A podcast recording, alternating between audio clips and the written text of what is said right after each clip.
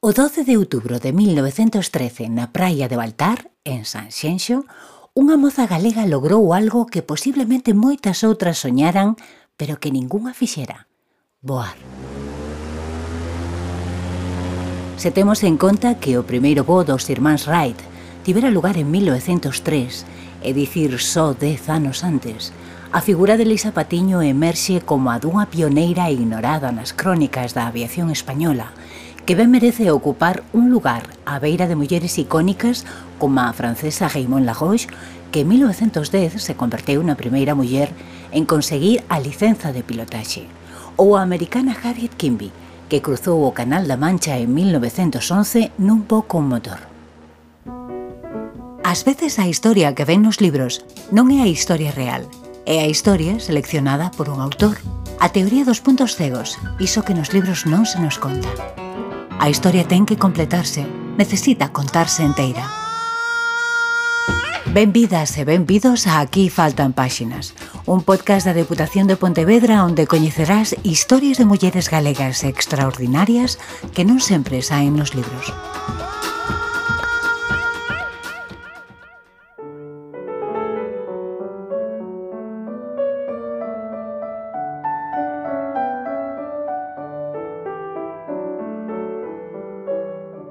Sen saber o que suporía para a súa historia, a cidade de Pontevedra acolle no ano 1890 o nacemento de Elisa Patiño Meléndez, coñecida familiarmente como Chichana, que chegaría a ser a primeira aviadora galega e unha das pioneiras en Europa.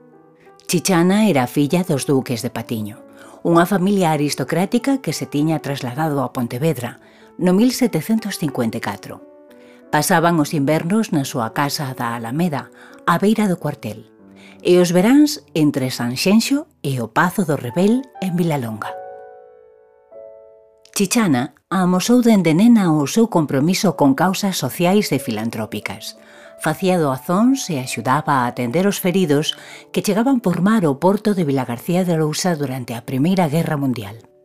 No ámbito dos deportes, Elisa escollía a práctica de actividades pouco comuns nas mulleres da época. Dedicouse ao tiro con arco desde ben cativa e destacou tamén no campo do ciclismo, onde recibiu importantes recoñecementos. Dunha vez chegou a sair na prensa, logo de percorrer en solitario os 6 kilómetros de traxecto que separan Sanxenxo e o Pazo do Rebel, algo que se consideraba unha proeza para unha muller naquela altura. Chichana participaba da vida pontevedresa da época coas súas amigas Fefa Sandoval, Carmen Millán ou Elena Castañeda. Con elas frecuentaba os actos culturais da cidade, amosando durante toda a súa vida un incansable amor pola música, a pintura e as artes escénicas. Destacou como pianista, violinista e cantante. Chegou a formar parte de varias compañías de teatro afeccionado, incluída a do Liceo Casino de Pontevedra, Durante unha das súas actuacións, o representante dunha compañía musical que actuaba na cidade quedou tan maravillado co seu talento que lle propuxo contratala para realizar unha xira. Elisa declinou a proposta. A sorpresa chegou cando se interesou pola aviación. Todo comezou en abril de 1913, cando aceptou o ofrecemento dun afamado piloto acrobático para acompañalo no voo que emprendería desde o aeródromo que instalara na praia de Baltar, en Sanxenxo, con intención de sobrevoar toda a costa ante a atenta mirada dunha multitude de persoas curiosas.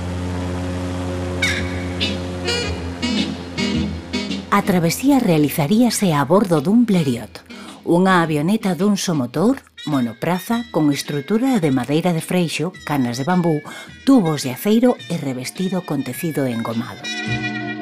Pertencía a Xosé Piñeiro, o primeiro aviador civil en España e un dos pioneiros do aire en Galicia xunto a Joaquín Loriga ou Ramón Franco. Coñecido na época como Home Paxaro ou Rei dos Aires, Piñeiro abandonara a súa carreira na Mariña Mercante para establecerse en Pontevedra, onde emprendeu varios negocios, un muiño fariñeiro, unha fábrica de gaseosas e unha liña de autobuses. Tras presenciar unha exhibición de pilotos durante as festas da Peregrina de 1912, decidiu que a súa vocación era o voo. Vendeu as súas empresas e viaxou á Escola de Pau, no sur de Francia, dirixida polo pioneiro aviador Bleriot. Conseguiu o seu título e comprou o modelo de 50 cabalos que fabricaba o propio Bleriot. Para que Chichana puidese acompañalo, o piloto tivo que modificar o seu monopraza, engadíndolle unha táboa á estrutura para transformalo nun improvisado aeroplano bipraza. A comezos do século XX, ver voar un avión era para moita xente algo semellante a maxia, e, por suposto, o impacto era maior se o facía unha muller. O día seguinte do primeiro voo de Chichana e Piñeiro, a prensa informaba así. Unha señorita polos aires.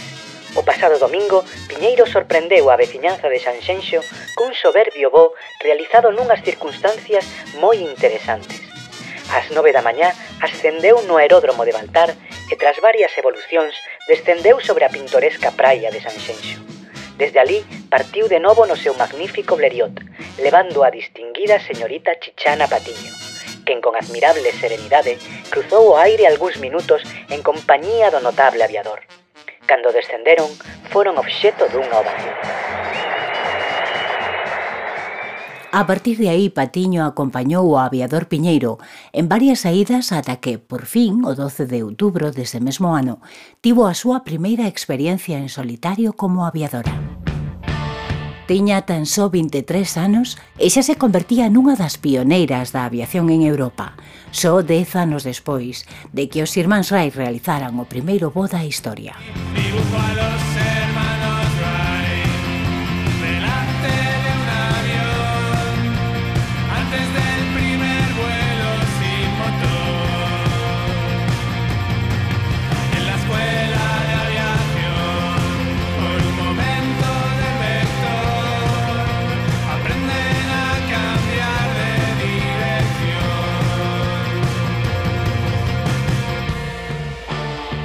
Tralo seu primeiro voo en solitario, Chichana proseguiu a súa instrucción no aeródromo de Baltar, ata superar as 50 horas de voo requeridas para obter a licencia de pilota, aínda que non chegou a conseguila.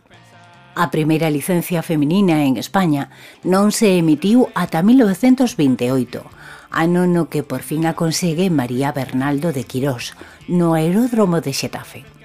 De calquera xeito isto non impediu que Chichana enlazara profesionalmente o seu camiño co do afamado aviador.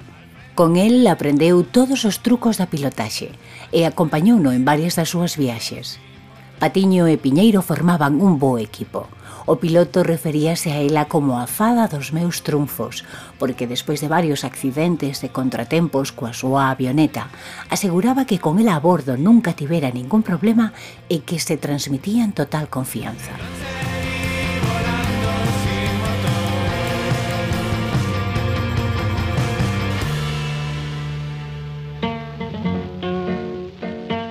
Andados os anos mantiveron o contacto.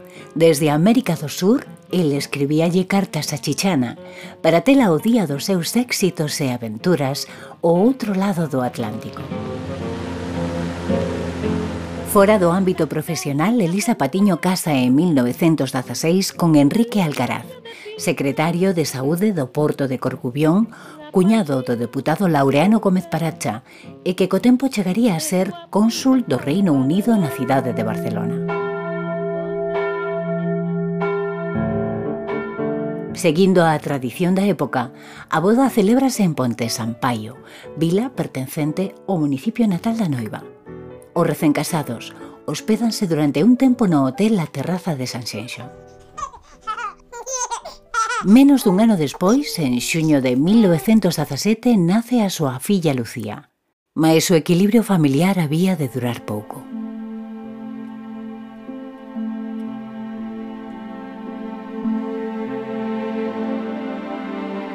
A fatal pandemia mundial da gripe de 1918, coñecida como gripe española, chega a Galicia.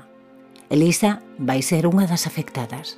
Cae terriblemente enferma e, a pesar de loitar contra a enfermidade durante meses e de estar sempre arroupada pola familia e as súas amizades, o 12 de abril de 1919 o seu corpo decide deixar de resistir. Contaba daquela 29 anos de idade e apenas puido gozar do recoñecemento que merecía. Foi un duro golpe para a familia, que no prazo dun ano viu morrer os seus dous únicos fillos. O seu irmán Eduardo, un mozo moi querido na cidade polo seu carácter bondadoso, falecera poucos meses antes con tan só 23 anos.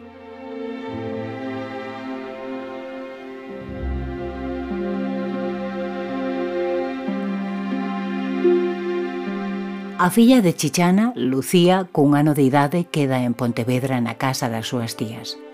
O seu pai, anos despois, volve casar e forma unha nova familia.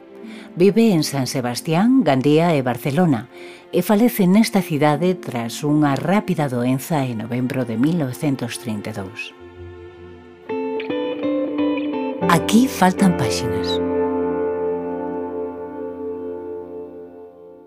Elisa Patiño é unha desas mulleres que no paso do século XIX ou XX abrazou as ideas da modernidade e que nas súas prácticas se afastou dos comportamentos decimonónicos asociados á feminidade.